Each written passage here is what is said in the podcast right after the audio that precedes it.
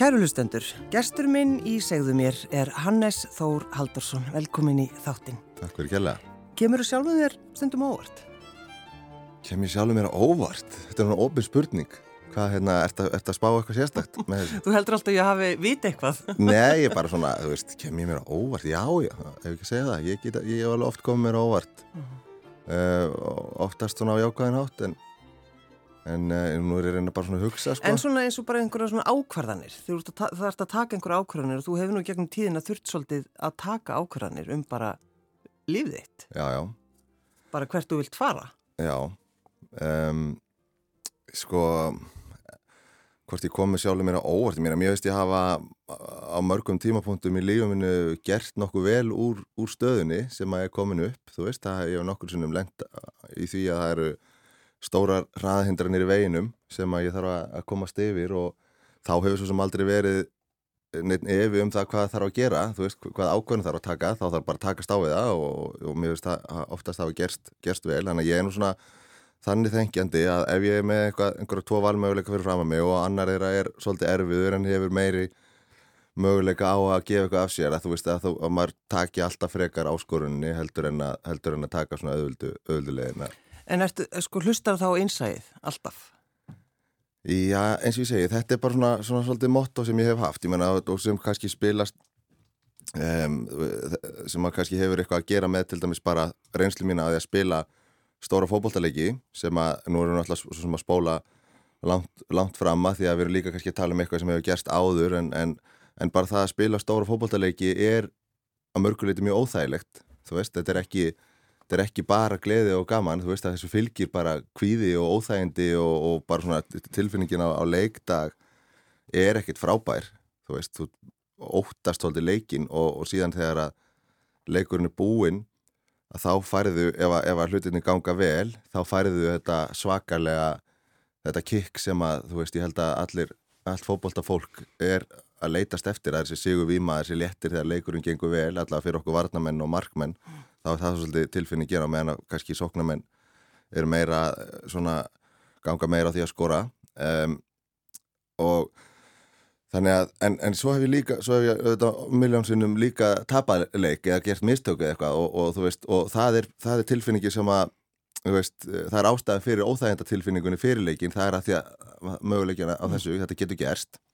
En síðan er ég bara búin að læra það að ef maður tekur ekki áskorunna og spilar ekki leikin, ef þú ert til dæmis bara meittur upp í stúku og, og þú að því að stundum hugsa maður að það væri nú bara þægilegt að, þú veist, maður kannski alveg að farast og stressi á leiðin út í uppbytun fyrir eitthvað leik og, og eitthvað svona að maður færi eitthvað svona, æ, það væri nú bara fint að fá hérna, fá bara í magan og þurfa ekkert að fara út og bara geta horta leikinu upp á á bara. Já, en það er nú bara þannig að alltaf í þau fáið skipt sem það hefur svo gerst, það sem að maður er ekki á vellinum og, og maður næ- næri ekki að taka áskoruna, þá finnst mér það alltaf verri tilfinning heldur en að taka áskoruna og mistakast, Já. skilur þú setur eftir með þó að sé ekki gaman að klúður einhver í fótbolta þá ertu alltaf búin að allavega láta vaða og prófa og, veist, sjá, sjá hvað gerðist frekar en að, skilur Já, já. veit ekki hvað, hvað, hvað hefði mögulega geta gerst og einhvern veginn svona, ah, ekki ná þessu út úr sísteminu, sko.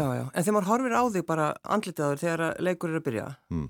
og, og líka einmitt þegar að þú getur ekki varið eða eitthvað slikt, sko. þá maður ofta reyna að horfa á andlitaður og hugsa, hvað er hann að hugsa? Þú verður svolítið svona steinrunin Já.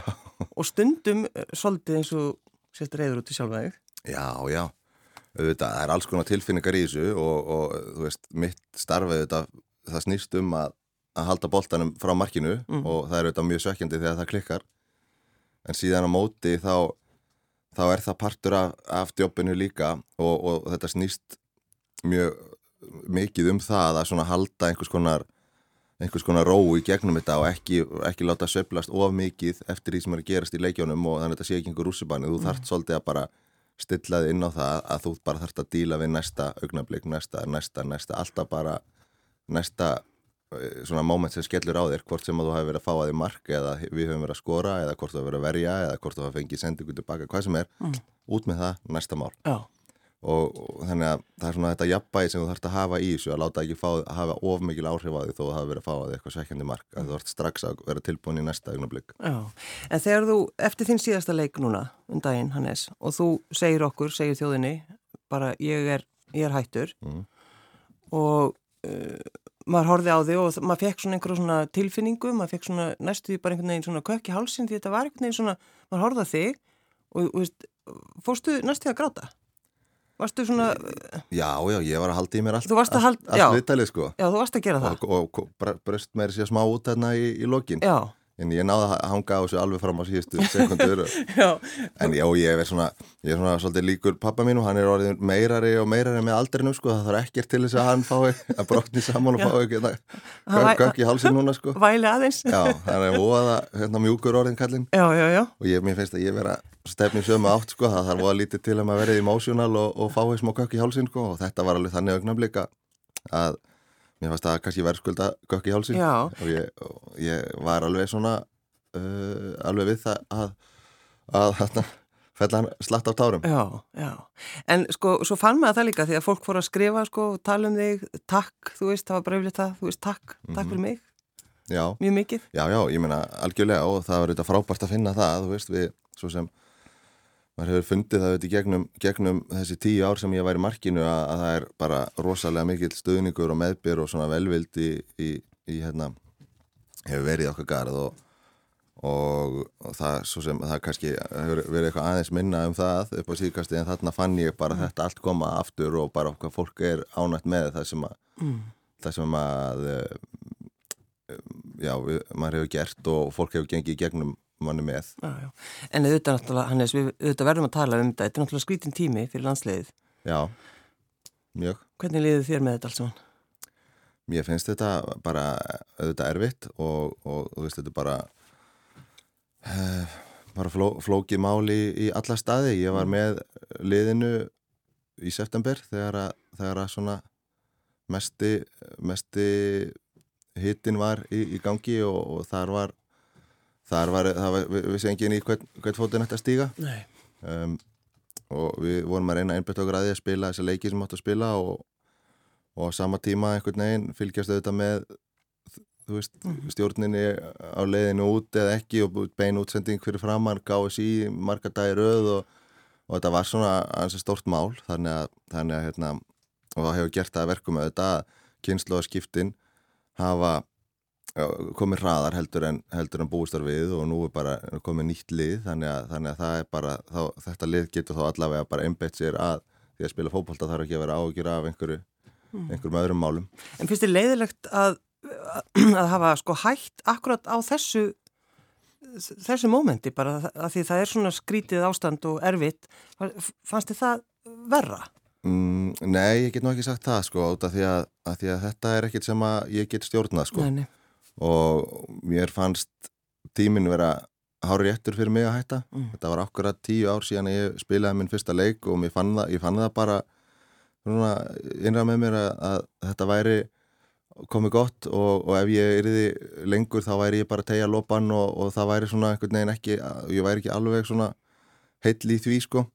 Þannig að mér fannst eiginlega bara engin spurning um það að ég þyrti að, að láta gott heita og var bara ánæði með þá ákvörðun og, og auðvitað kannski hefur það líka eitthvað með að gera að þú veist má- áframhaldandi leikir eða, eða svona þú veist það hefði, það hefði kannski ekkit gefið mig mikið skiluru að, að vera vera að því að umhverju hefur breyst mikið og veru, það, er bara, það er bara nýtt li- lið sem að, sem að hefur tekið við og, og svona þannig að, þannig að mér fannst þetta vera, vera rétt ákvörðun þó svo að aðstæðar hafi verið uh, svona erfiðar kringu liðið Já. Þegar þér leiðist Já. mm, fer hugsunin fer hugsunin þá á einhvern svona góðan stað eins og til dæmis já, ég og Messi Já Eh, sko ég hugsa nú ekki oft um Messi augnabliki sjálft en þetta er nú góð spurning hjá þér og maður, ég held að maður er bara eins að fara að hugsa um það hvað maður gerir þegar maður leiðist að því að, að því að núna tekum maður bara alltaf upp síman Já. og ég hata síma minn. Við hefum algjöru svona love-hate sambandi Ég meitir, ég reyndi að tala, ringja, að það var sambandið í ger, þú svaraði mér ekki. svaraði ekki, Nei. nei. ég var í útlöndi, ég var í Barcelona í já. og var, hérna, en ég fekk, ég fekk, ég heyrði á því að þú hefur reynd að náða mig og allt var endur kontról Já, já. En, En, ég, en nei, mér finnst að maður tekur bara upp síman og hérna fer að skrolla í gegnum sama og maður er búin að að skrolla í gegnum allan daginn og ég Mhm. þólið það ekki en maður er bara orðin fíkill í þetta dót og, og hérna þannig að maður hefur kannski, maður svona þú veist, njóta augnabliksins eða eins og segir hugsa um einhverja gamla og góða tíma eða eitthvað og ég held að maður ætti að fara að gera meira af því og þá kannski fer ég að rifja oftar upp Messi lítið. en ég minna, sko, þú, þú varst náttúrulega bara heimsfrægur þarna á einhverjum tímabilið, það ekki? Jú, og má alveg orða þannig í nokkra daga Já. Þú veist, þetta var þannig að, að um, þetta var náttúrulega risa atbyrður og risa leikur og Ísland hafði vakið mikla aðtegli fyrir þannig að þú veist, við vorum með bara öll augu heimsins á okkur í þessum leik og, og hérna, svo gerist þetta. Ofan á það var ég búin að gera þarna auglýsingu fyrir Coca-Cola sem að svona hefnaðist mjög vel og hún fór í spilun rétt fyrir HM og fólki fannst hansi merkilegt að markmærin í liðinu hefði gert, gert þessu auglýsingu. Og það var komið svona svolítið börs um það í fréttum og Twitter og á út í heimi fannst mér. Síðan spilum við hennar leik og þetta gerist og þá einhvern veginn kemur þetta tvent saman og springur út og, og þetta endaði bara í öllum fjölmjölum heiminum og, og, og ég fann það alveg svona einhverjar vikur eftir þetta þú veist bara að ganga á flugullum og eitthvað svona að svona Mér fannst að hlutinni voru aðeins breyttir, það, var- það gekk fljótt yfir. En hvernig fannst þið tilfinningin, þú veist, á, á það við þig? Já, já, mér fannst það bara spennandi. Ég vissi svo sem að þetta myndi hérna, taka fljótt af eins og ég segi og þetta er bara, þetta bara upplifun. Mér finnst bara gaman að upplifa mismunandi hluti og Já. þarna fekk ég upplifa það í nokkra daga hvernig það er að vera bara þekktun einhver staðar út fyrir einhver staðar annar staðar en í landinu sínu Já, já, nákvæmlega. Og, og hérna og það var, fannst mér bara ekkert mál sko, bara, En- bara gaman. Já, en þú varst einmitt, þú varst- að nefna það, varst í Barcelona í gær og þá var einhver sem að veifaði þér. Já, já, já. það fór einhver að googla þig. það var einhver Kannast næsta, næsta borðið sem dró upp síman og, og googlaði Já. vítið. Já, og, og En bara, þetta gerist alveg einstakar sinnum. já það gerist ennþá. Já, já. Já. Þannig að þegar þið leiðist, þú vilt ekki fara í síman, þá getur þið dreigið upp þessa mynd. En þetta er náttúrulega svona, fyrir fólk sem haf, hefur engan áhuga á fótbolta, þá er þetta bara eitthvað sem að, þú veist, fólk man, Já, já, manstu hvað þú varst? Það, Já, veist, það er svona setningar. þetta er, al, þetta er alveg þa þannig augnablík, sko. Já, En ég veit að núna er þetta orðið bara það eina sem er talað um við mig þegar að fótballtafyrirli minn er rættur, sko. Það er bara þessi það er bara það.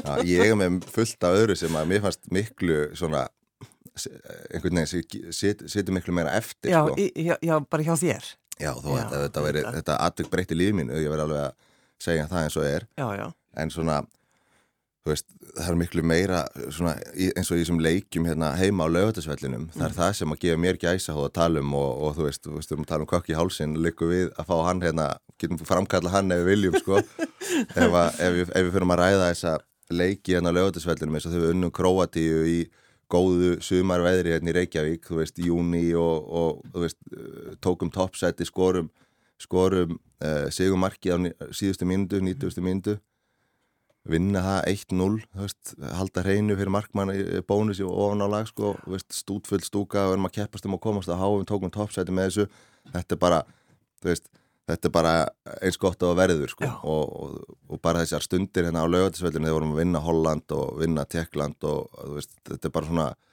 brjáluð stemning þá. gæsa húða æventýri sko, já.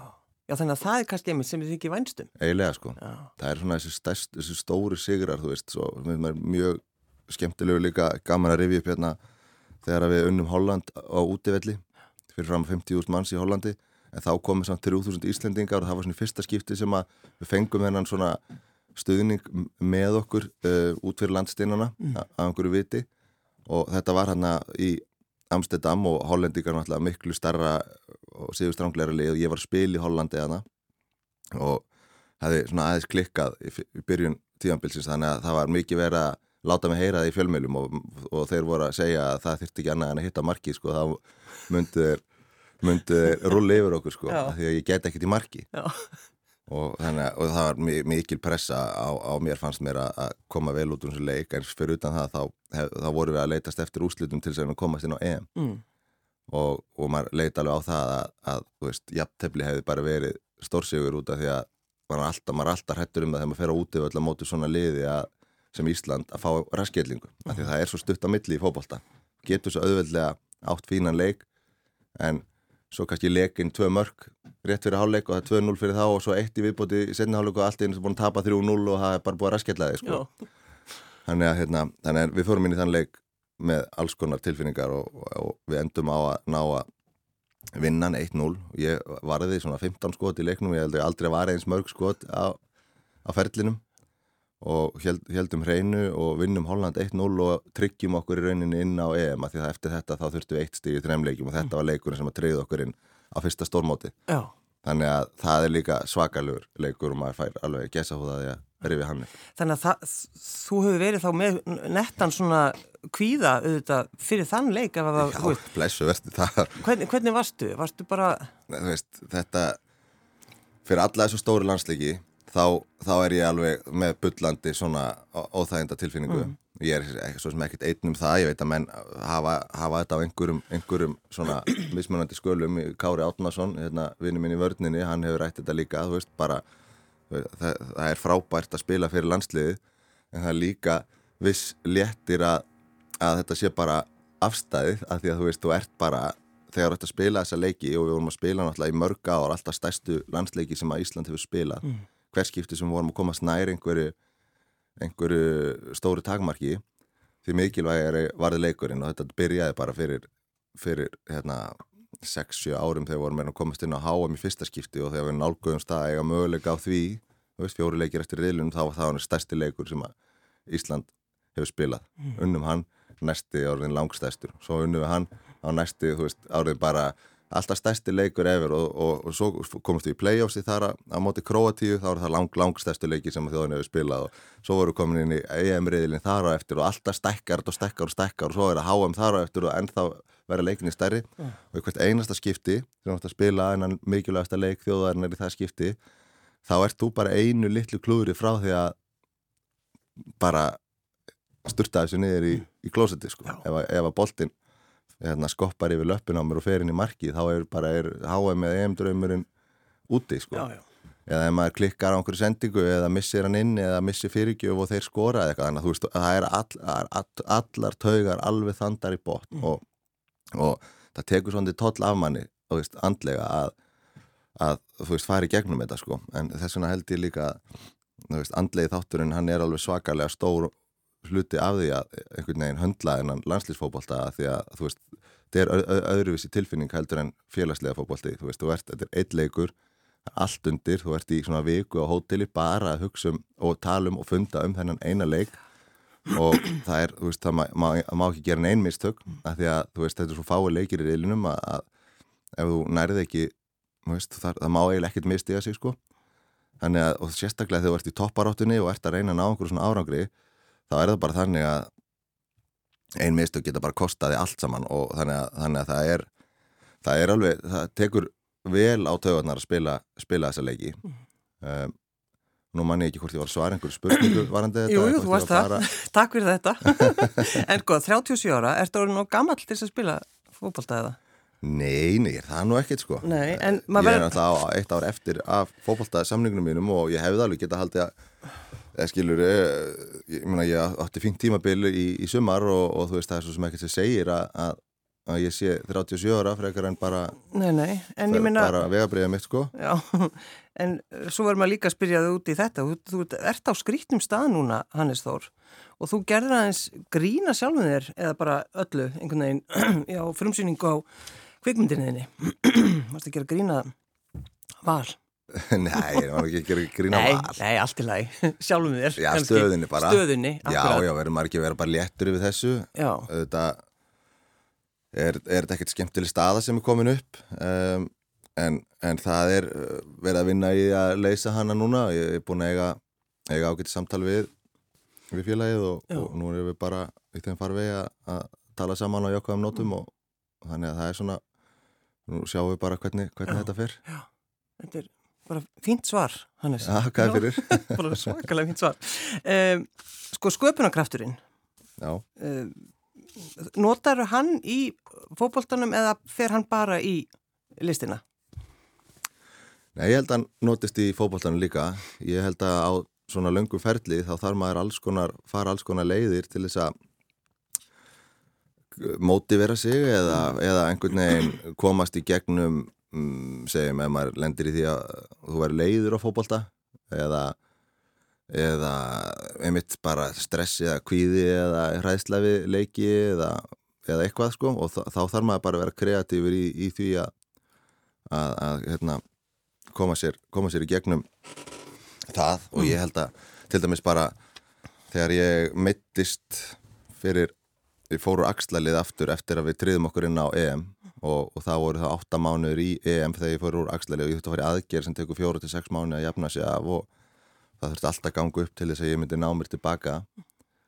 Þá einhvern veginn dætt ég inn á eitthvað, eitthvað svona þegar ég var, því þá náttúrulega er ég bara einn í mínu verkefni, það er, þú, þú meðir svona langtíma þá bara kúplastu út úr félaginu og það, man, maður upplifir svolítið eins og maður sé einn í heiminum sko.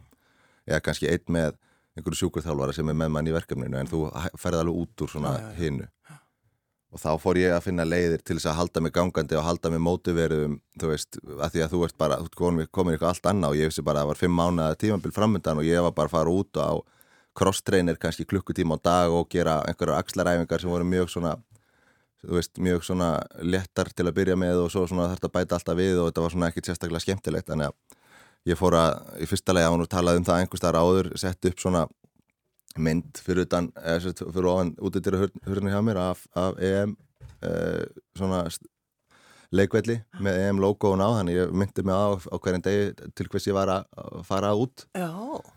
Og, og síðan var ég búin að búa mig til alls konar playlista á YouTube sem, a, sem ég horfið á á crossterinninnum sem voru svona motivational myndbönd í bland við sirpur, það sem að, svona markmann sirpur á gömlum stórmótum, skiluru það sem að, það sem að kannski á HM 98 best saves, eitthvað svona. Kannski tíu mínuna myndband bara markvæslum frá HM 98 og svo kom eitthvað motivational video næst og svo kom kannski bestu markvæslunar á EM 2004 eða eitthvað svona.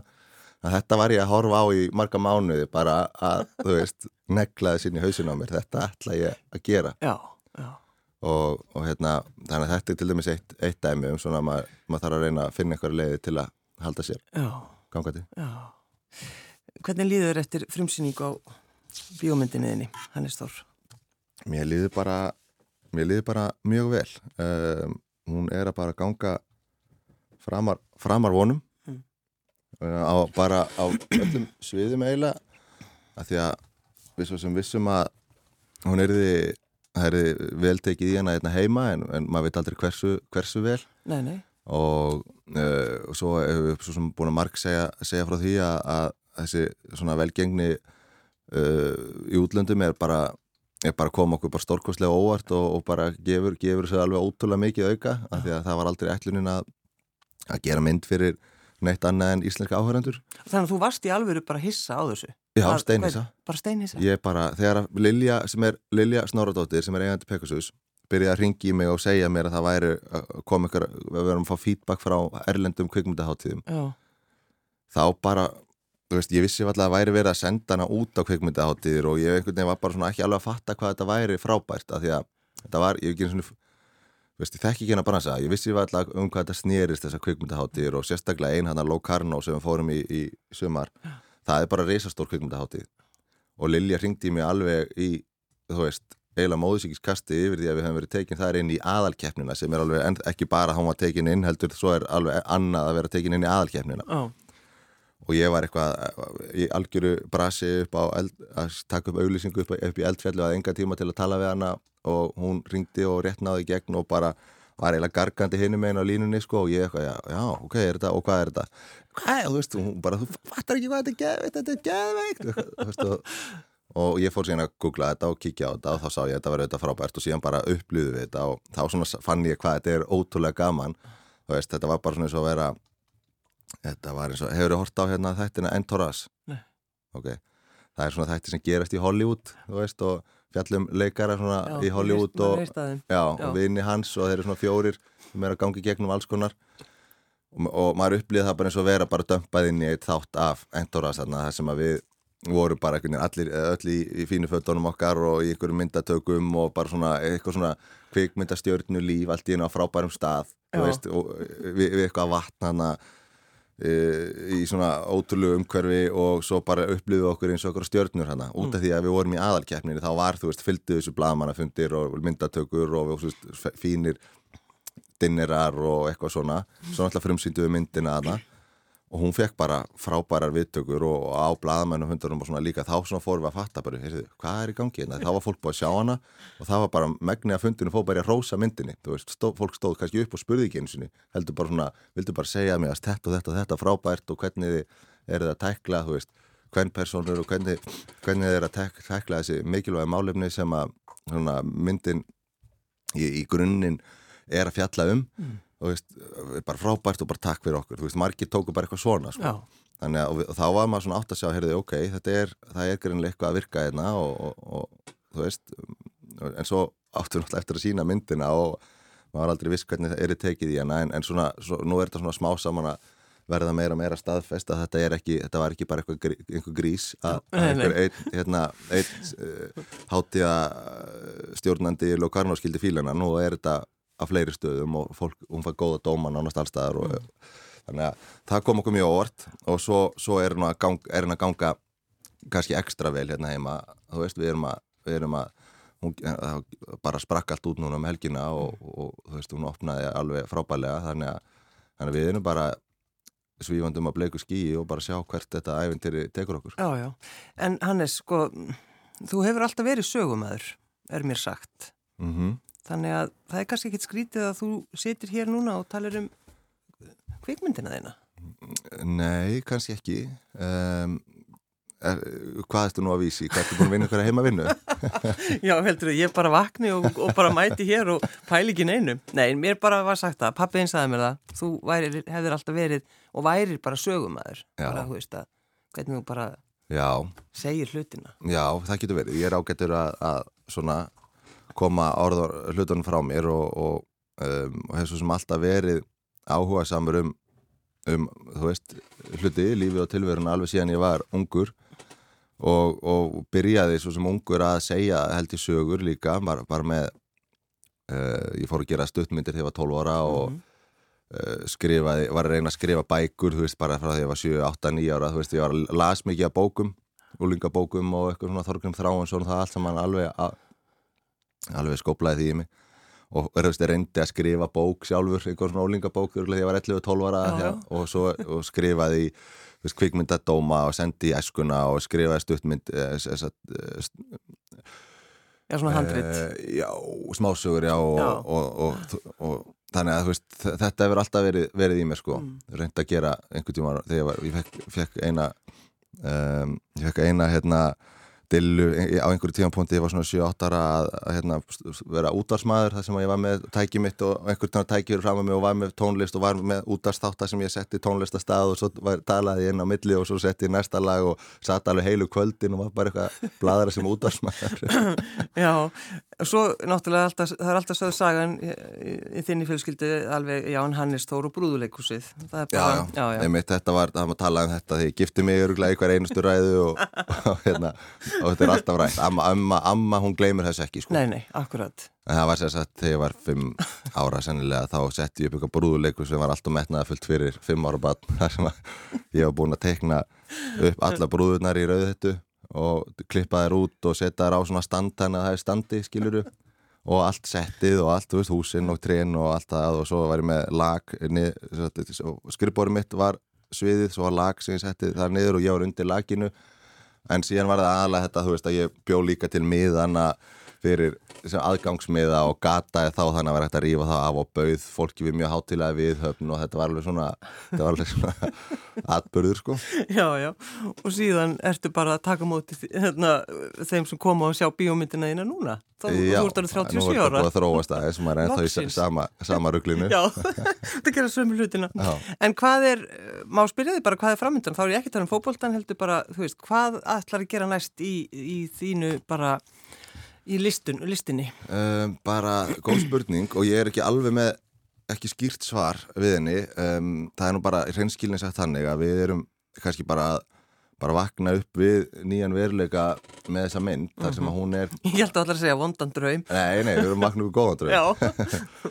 En myndin er að veist, gera, gera þannig hluti að, að vonandi opnar hún einhverjar dyr sem að, þú veist, fleiri dyr en maður hafði hugsað sér, ég meina um, fyrir mig var það alltaf bara þannig og í síðustu tíu ár þá hafði ég hugsað, með, þá var ég með eitt markmið að varandi kvikmyndabransan og það var bara að gera bíómyndi fullir lengt, þú veist, ég Já. hugsaði ekkert lengra en það nei, akkurat og núna er það komið Já.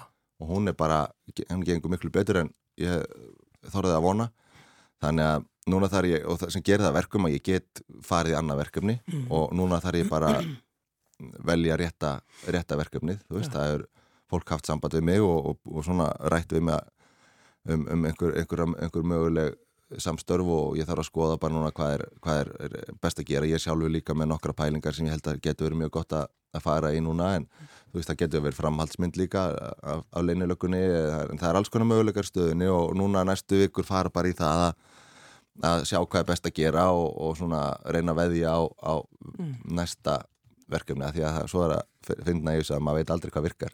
Fyrir þetta er utan það. bara, maður fer bara að reyna sitt besta og svo getur vel verið að næsta mynd floppi sko en Já, já, ég já. vona ekki samt. Nei, en þannig að það, þú þetta hlusta á einsæðið eins og Já. bara alltaf þú gert bara já, Hannes. já, það er bara þannig, maður verður bara að taka áskorunni og vona að hún skilur maður út heilum.